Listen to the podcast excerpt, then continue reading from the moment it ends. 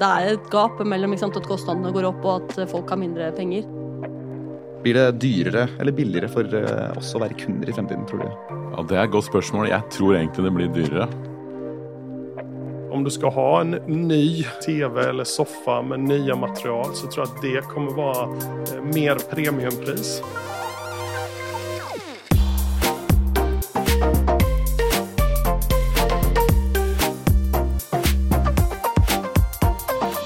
Skal vi lykkes i morgen, må vi ta gode beslutninger i dag.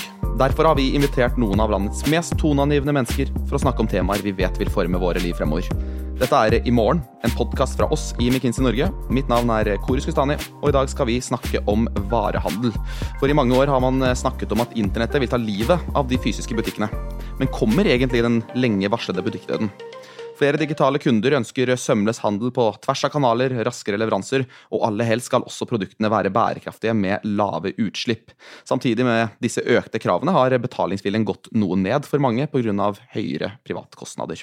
Dette skjer altså samtidig som aktører i varehandelen, altså de som f.eks. selger sofaer, mobiltelefoner eller sportsutstyr, har opplevd mer endring de siste fem årene enn de siste fem og 20. For å snakke om eh, hvordan fremtidens shopping blir annerledes for forbrukere, ansatte, men også eiere, har vi invitert to av de som kan aller mest om nettopp dette i Norge, nemlig Carl Aabye, administrerende direktør og bærekraftsjef i Ikea Norge, og Jan Ivar Semlic, som er konsernsjef i Komplett. Velkommen til dere begge. Med oss i studio har vi også deg, kollega Stine Rømmen Andersen. Og Stine, du er jo partner i McKinsey, men leder også da vårt arbeid med consumer og retail her i Norge. Forteller du våre klienter at vi nærmer oss en butikkdød og slutt på shopping som vi kjenner det? Jeg må skuffe deg der, altså. Det er ikke det vi sier. Men, eh, men, eh, vi merker jo at det skjer veldig mye, vi også. Vi ser jo det på, på alle spørsmålene vi får og all aktiviteten vi har på området. sånn at, eh, at det er store endringer i, det, i dette sementet, det er helt sant. Ja, for Hvis vi ser på det, si, endringene bak, bak, det som skjer i varehandelen eller i consumer retail, så, så er det i god McKinsey til tre ting vi, vi, sier at uh, driver dette. Hva er det? ja, det er egentlig, altså, De tre driverne som vi ser, da, så er det spennende å høre hva dere ser. Men vi ser jo den første går på dette med, som vi har kalt nullkunden som går på altså Det er en kunde som vil ha null friksjon, eh, som har null tålmodighet til å vente, og som har null villighet til å betale mer for tjenesten. Kanskje heller mindre eh, i den dyrtiden vi er i dag. Eh, den andre tingen som vi ser, er jo denne dynamikken med leverandør og varehandelaktør da, på, på, hver sin side. Så før hadde man jo veldig sånn tydelig rolleskille der. Og så har jo eh, varehandelaktørene jo tatt en veldig stor eh, rolle i å gå inn i eh, EMV og egne merkevarer og måtte spise en del av den kaka som leverandørene har. Og samtidig så ser vi jo leverandørene det motsatte. At de tar større og større andel i å selge direkte til kundene. Så det skaper en veldig annen type dynamikk.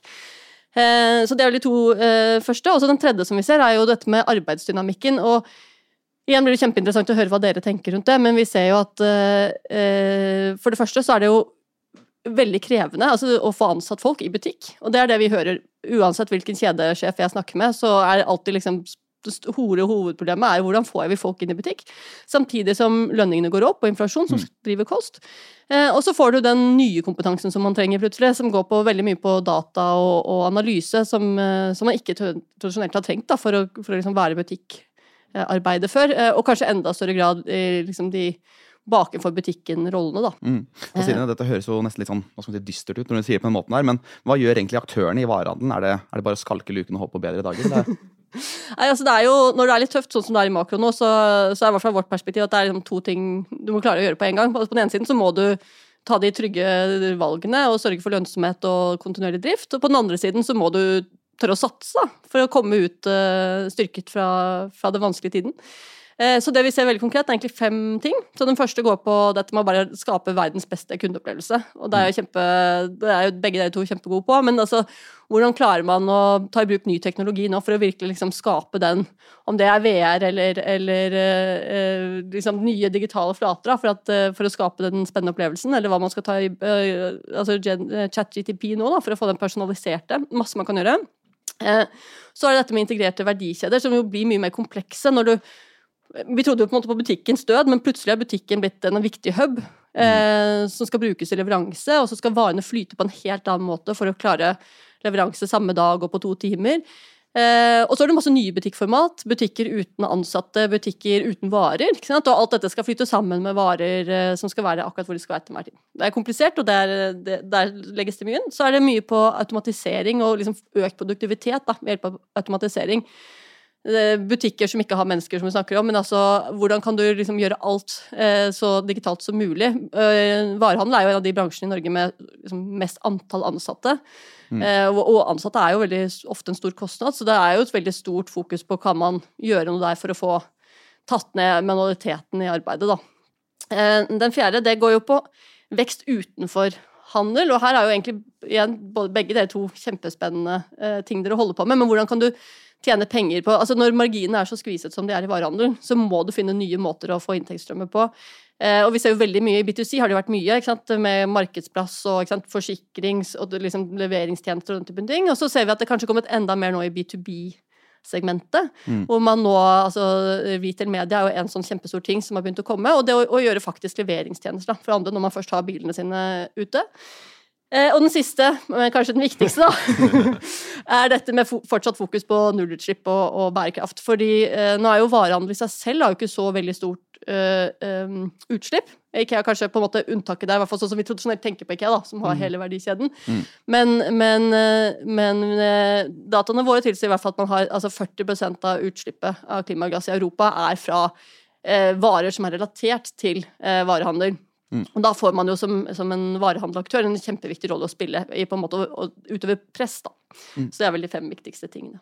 Så klare trender, og nettopp derfor er det jo veldig bra at vi har noen av Norges fremste aktører i studio for å snakke videre om, om disse temaene du nevner, Sine. Her sitter altså sjefen for Komplett, selskapet uten fysiske butikker, men også selskapet som introduserte Norge for netthandel tilbake på 90-tallet, og sjefen da for Ikea Norge, institusjonen alle i Norge har et noe forhold til, og som har både store varehus, men også i økende grad med netthandel. Carl, Ikea har vært til stede i Norge siden 60-tallet. Og dere kjenner dermed på en måte forbrukermarkedet veldig veldig godt. Eh, hva tenker du om disse trendene og endringene som Stine nevner helt eh, innledningsvis? Ja, altså det, Mye forandres jo veldig, veldig uh, fort. Uh, men butiksdöd er ingenting som vi tror på på Ikea. Uh, vi satser snarere på å utvikle nye format og å koble ihop og sy ihop opplevelsen.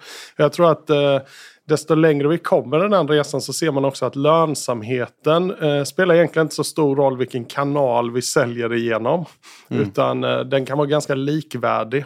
Och då kan man också ge kunden mycket större valmöjligheter. Och kanske shoppa på Instagram eller på internet eller i fysisk butik. Och då tror jag att den fysiska butiken kommer handla mycket, mycket mer om hur kan man ge sin kompetens till kunden. I vårt fall heminredning. Hur kan man ge den fulla upplevelsen där. Mm. Och inte bara en transaktionell eh, eh, sted att vara på. Där man liksom går och hämtar varor, man ställer någon fråga, man tittar på prislappen. Mm. Eh, den biten blir mycket, mycket viktigare. Och det innebär ju någonting för oss som arbetsgivare mot våra ansatta. Hur ska vi utveckla det? Eh, hur kommer eh, kunstig intelligens eh, spela en roll i att faktiskt kunna utveckla helt nya typer av upplevelser som kommer existera både i mobiltelefonen, mm. på datorn datorn men också fysiskt i en butik som liksom en försträckning av det. Mm. Eh, det är otroligt spännande tid så jag menar eh, när jag började på Ikea för 17 år sedan så kunde vi mer eller mindre planera 12 månader framåt och säga liksom okej, okay, detta är hur vi ska sälja under nästa 12 månaderna. Detta är kampanjerna, sortimentet vi satsar på, hur vi ska bygga upp det, vi beställde varor och så vidare. Och idag är det helt annorlunda. Man måste liksom uh, vara på bollen hela tiden, varje vecka, varje månad för att se till att man ligger rätt. Mm. Och våga satsa samtidigt som man måste ta hand om såklart uh, lönsamheten. Mm. Så spännande tider och jag tror aldrig det har varit så kul att jobba inom, inom handel som det är just nu. Jan Ivar, disse endringene, hvor mye treffer de egentlig dere? Jeg tror dere er en ren eh, nettlandsbutikk. Nei, jeg tror de treffer på helt samme måte. Jeg er helt enig i det både Stine og Carl er inne på. Altså, Kunden er utrolig kravstor. Mm. Uh, og det er liksom denne null, eh, nullkunden, jeg er helt rett. Uansett om det er online eller i butikk. Uh, og denne leverandørdynamikken òg, helt enig. Altså Konkurransen er veldig sterk, og det flyter mer og mer. og og ting skjer utrolig fort. Altså, liksom, handel er liksom, liksom Formel 1. Mm. Eh, det går utrolig fort. Så du må henge med og tørre å satse, tror jeg er viktig. Og en av de viktigste endringene vi ser, er som du nevnte, Sida, at både aktører og forbrukere blir mer bevisste på å gjøre bærekraftige valg. Og dette er jo noe dere har veldig sentralt i, i Ikea, Carl. Dere satser veldig tungt på det, bl.a. gjennom flere kampanjer som The Trash Collection, som fokuserer på at mange Ikea-møbler kastes selv om de faktisk fungerer helt fint enda. Hvordan kan en virksomhet som Ikea egentlig bli bærekraftig? Ja, alltså jag tror att vi alla måste bli bärkraftiga. Det, det är inget val vi har för att eh, en och en halv gradersmålet är ju, ett, egentligen inte ett mål utan det är en gräns. Och det är även det som konsumenterna kommer kräva av oss mer och mer och mer. Eh, och hur gör vi då det? Dels är det genom våra produkter. Så alla produkter ska bli antingen eh, tillverkade av återvunna material eller förnyelsebara material och det ska vara innan 2030. Det andra är att man måste titta igenom hela operationen från mm. hur man transporterar produkter, hur man tillverkar produkter, hur man förbrukar eh, el, ström och så vidare. Så vi satsar ju på att köpa både solparker, vi köper skog och återplanterar skog och så vidare i och med att vi äger hela, hela värdekedjan inom, eh, inom Ikea.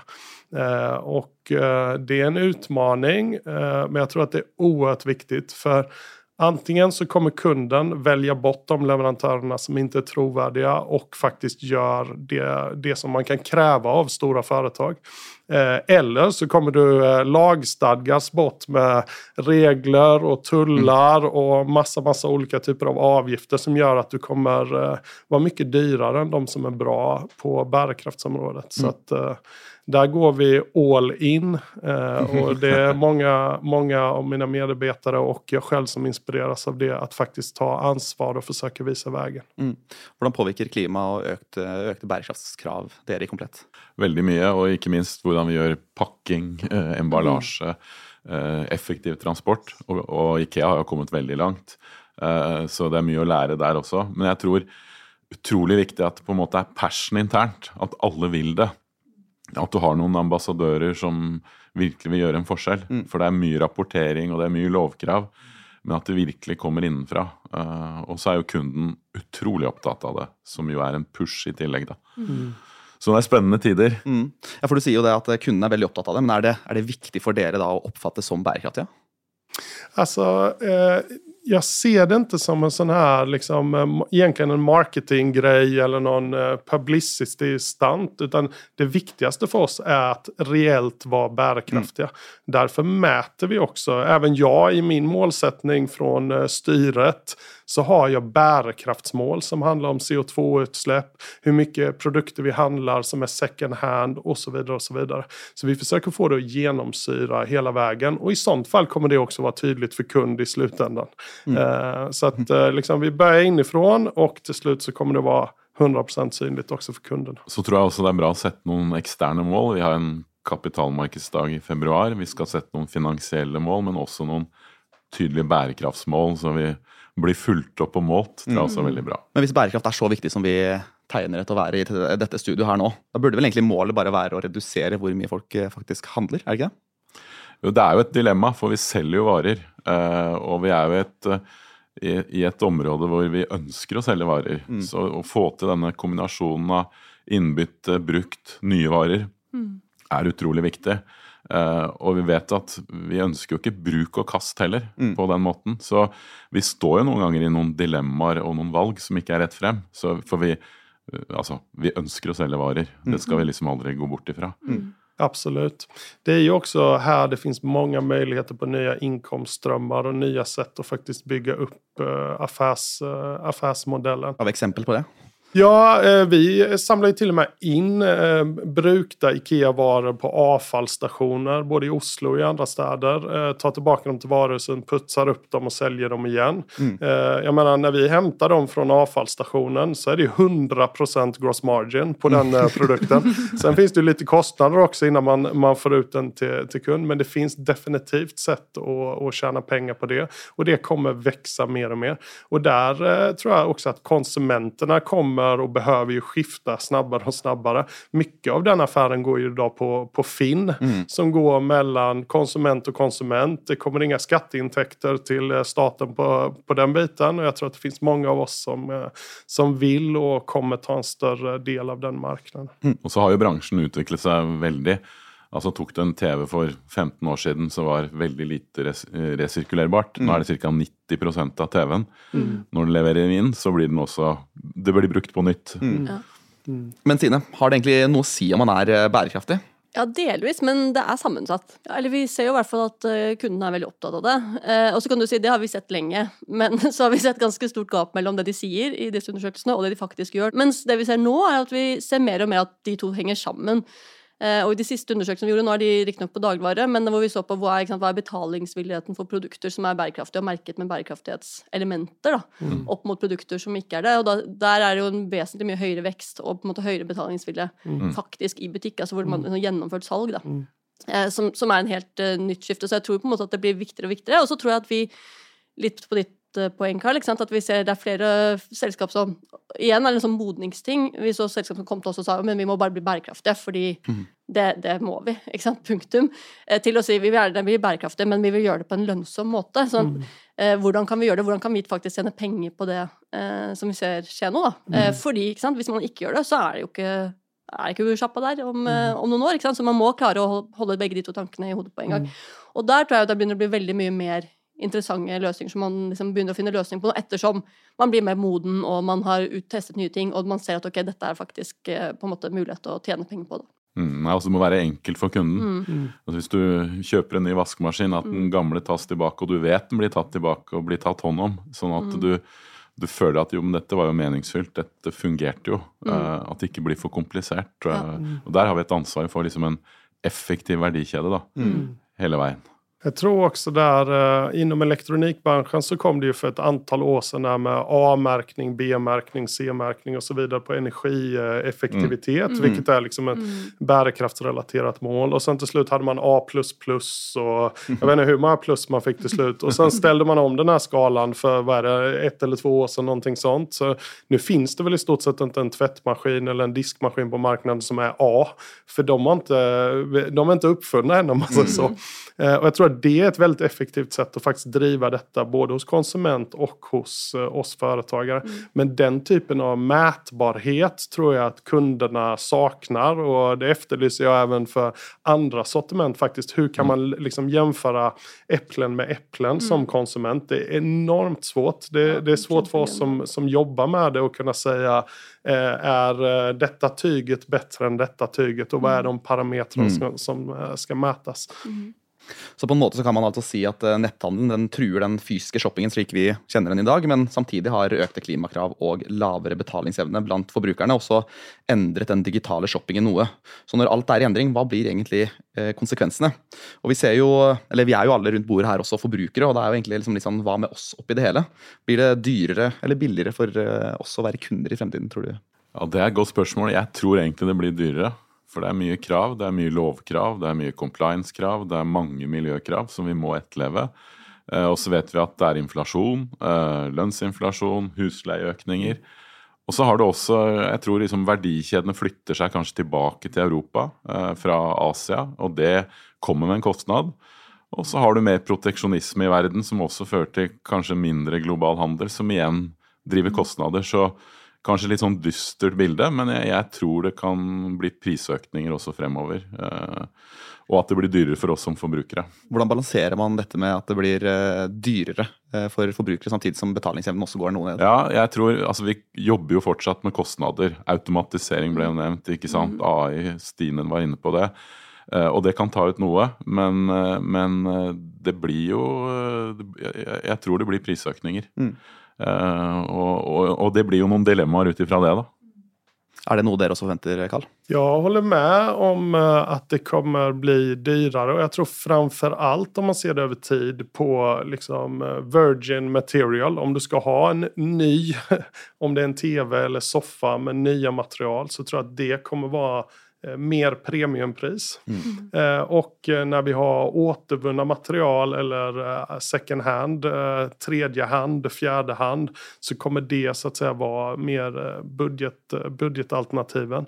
Eh, så jag tror att det finns många dimensioner på den om man tittar över tid. Men inflation har ju, har ju skett eh, förr. Nu är vi inte så vana vid det. Så eh, vi får väl se hur länge det pågår. Men om man ser det över längre tid så tror jag att det kommer vara mer premium när man ska ha nya saker och mm. det mer standardalternativet kommer vara saker som är återanvända eller second hand. Och det är väl så den här att vara handlare, faktiskt att sälja, sälja saker går ihop med att också kunna vara bärkraftig. Att vi måste balansera de två. Och då kommer det nog bli lite dyrare för konsumenter också. Och så är det en betalningsvillighet där i tanke på att många av dessa produktene har mye innovation och mm. ger ju mycket effektivitet i hverdagen. En, sånn, en iPhone 15 er jo 15 000 kroner, ikke sant? Det er mm. dyrere enn en iPhone 14. Mm. Eh, men vi selger mer iPhone 15 enn 14 mm. i forhold til mm. sist gang det var lansering. Så mm. det er jo en betalingsvillighet ute der, men da er det også viktig at produktene, servicen, er veldig bra. Mm. Så du er faktisk villig til å betale for det. Og så er jeg enig med Carl, det blir interessant å se dette premium opp mot andre områder. Uh, private label er jo et element, ikke sant, for å tilby den laveste prisen. Så du får kanskje i det landskapet en del trading down, som vi sier. Mm. Så, så, hvor prispunktet er lavere. Uh, så ja, det er spennende. Og det er jo en av de tingene vi ser nå også. Vi har gjort en del sånn consumer sentiment survey, ikke sant? og vi ser på hva er, hva er betalingsvilligheten. Og vi ser et veldig stort uh, skille ikke sant? i den premium mm. mot trading down. Du, får liksom, du har to kategorier av kunder, hvor den ene liksom helt klart fortsatt trader opp, da. Som jo er nok at når du ser på tallene til Ferrari og Hermé og sånn, for å velge liksom noen sånne mm. luksus, så er det jo de opp. Mm. Mens en sånn type Louis Vuitton, da, som er et sånt på en måte litt sånn lavsjikta av luksus, det trader folk ned fra, for der har man liksom ikke Og den dynamikken er jo ganske interessant å følge da, og kanskje særlig da i det lys- og bærekraftbiten, hvor man liksom mm. Den typen kunder er veldig opptatt av, ikke sant. Mm. Men, eh, men, det er klart at det må man også få til. Og vi ser så private labels særlig, så tenker jeg også at der er det kjempespennende. Det som jeg tror blir veldig viktig da, og der er jeg veldig eh, sånn, inspirert av Costco om dagen, for det syns jeg er en veldig interessant case, men klarer man da å posisjonere seg liksom som en sånn egne merkevare kvalitetsaktør, sant? selv i de lavere, der tror jeg jo det er jo et kjempespennende rom å, å ta, hvis man klarer. hvor jo på en måte Ikea er jo alt private table, men ikke at man har klart å posisjonere seg som sånn kvalitetsaktør likevel, da, selv om mm. måte, produktene er billigere. Og hvis man klarer å få det samme i andre mm. bransjer, så er jo det kjempespennende. For det er en sånn veldig sånn Ikke en veldig tydelig eier av den posisjonen, ville jeg sagt, eh, i Norge i dag, i hvert fall. Men hva betyr egentlig disse endringene for varehandel og alle som jobber med det? Jeg sjekket raskt på SSB, og i overkant av 350 000 nordmenn er sysselsatt da i varehandel. Tror dere at dette tallet vil endre seg? Eh, det har ju redan förändrats väldigt mycket. Om man tittar i Ikea Furuset här eh, utanför utkanten av Oslo. Mm. Eh, Ikeas, ett av Ikeas största varuhus i världen omsättningsmässigt. Vi hade väl där för 6-7 år sedan 32 vanliga kassor. Så på en lördag så satt det 32 medarbetare som tog, tog emot betalning helt transaktionellt. Idag så för att bemanna hela den kassalinjen på, på en lördag så behöver vi något i stil med 6-7 medarbetare. Med tanke på att vi har väldigt stor självskanningsgrad eh, och väldigt bra lösningar för det. Men vi har inte färre medarbetare på Ikea Furuset för det. Vi har däremot andra eh, arbetsuppgifter. Eh, vi spelar in eh, livesändningar för att shoppa på Instagram. Eh, vi har mycket mer klick och hämt, den typen av arbetsuppgifter. Så det där kommer hela tiden förändras. Men generellt så kommer man behöva högre flexibilitet flexibilitet hos medarbetarna, mm. högre kompetens inom flera områden just för att upplevelsen ska vara liksom medarbetarna ska vara en del av den till kunden. Mm. Nej, för vår del så vi ansetter jo flere med doktorgrad nå. Eh, mm. data scientist, eh, price analytics. Mm. Eh, utrolig mye rundt kundereisen og online. Mm. Eh, og så har vi automatisert mye på logistikk og lager, ikke sant, som har tatt ned kostnader. Mm. Så det blir jo en stor endring. Stor endring. Jeg snakket med et eh, stort selskap nå på, i dagligvare som eh, han skal ha innkjøpssjef som typisk ville jo vært en innkjøper, ikke sant, som har mm. vokst innkjøpsskolen. Mm. Dette er utenfor Norge, da, bare for å liksom So Så not privileged information. Men altså, også Det de ser på, er en data scientist. Ikke sant? Eller en analyseperson som kan uh, sitte tett på dataen og forstå det, og så heller lære seg innkjøp liksom on the job, for det kan man på en måte lære seg uansett. Det er hypotesen, da. Og så har man jo ikke gjort det valget ennå, da. Men altså, det er jo det er en veldig annen type profil mm. enn det man bare så på for Det er to år siden, sikkert. Liksom. Mm. Mm. Og hvordan ser egentlig fremtidens varehandel ut i, i deres øyer? Jeg tror jo jeg tror heller ikke det blir noen butikkstød, men det er klart, for hver omsetningskrone online tar, Mm. og nisjeaktører tar, så spiser du litt av topplinjen til de etablerte butikkene. Mm. Og du kan fort komme i en negativ spiral. ikke sant? Du må kutte kostnader i butikk, eh, kundeopplevelsen da blir dårligere. Sånn at eh, det, er, det er ikke enkelt, om, verken om det er online eller multichannel. Så mm, ikke butikkstød, men krevende fremover. Spesielt hvis du har veldig mange butikker.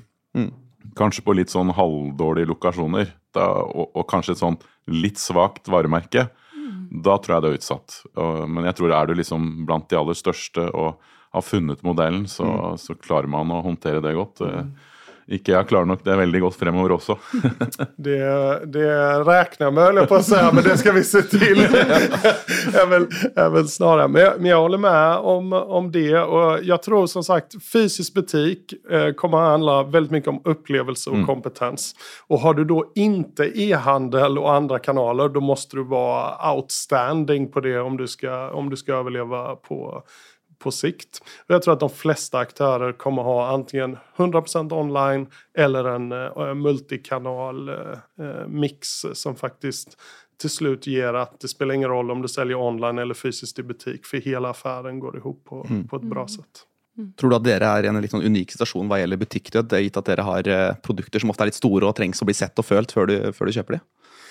Nej, egentligen inte. För eh, om vi pratar om det här med intäktsströmmar. Vi, vi investerar ju eh, i att bygga olika automatiserade logistikcentrum. Både globalt men även här i Norge i, i Västby till exempel. Eh, och jag tror att, eh, kunna eh, både använda butikerna men även kunna använda centrala lösningar automatiserade och kanske även bjuda in andra aktörer till att utnyttja våra system eh, är en eh, en spännande resa framöver for å lykkes. Så ingen rundt bordet tror altså på noe særlig butikk og død i årene som kommer, men jeg vil likevel utfordre dere med et klassisk spørsmål som vi alltid gjør i slutten av våre podkastepisoder. Og det er hvilken endring og trend er det vi ser i dag som vil ha størst konsekvens for morgendagens shopping? Kunstig intelligens. Det er det som kommer ha størst påvirkning. Ja, jeg tror jeg deler det. ja. Vi jobber jo litt med det allerede, og det er utrolig spennende. Vi har også gjort konkurrentanalyser og en del ting basert på kunstig intelligens. Og det var superimponerende. Så stor endring rundt det området. Vanskelig å si seg uenig i det, da. Jeg er enig i det for å drive produktivitet, for jeg tror det blir et press fremover. Eh, Det er et gap mellom sant, at kostnadene går opp og at folk har mindre penger. Så, og kunstig intelligens blir en kjempeviktig del av det. Og så tror jeg den andre delen av det svaret er er dette med å finne andre inntektskilder. Hvor egentlig begge dere to er kjempegode allerede. Men altså det å Hvordan kan du bygge på bunnlinjen din eh, utover det som er bare selge varer? Og så må jeg bare legge til, da, som Stine innledet med, kundeopplevelsen er Ja. superviktig. Den må du levere på i Ja. bunn. Eh, uansett hva kunstig intelligens vil si. Tusen takk for at dere kom hit, Karl Lobby, Jan Ivar Semlers og Stine Rømmen Andersen. Jeg heter Kori Skustani. Takk for at du hørte på i morgen.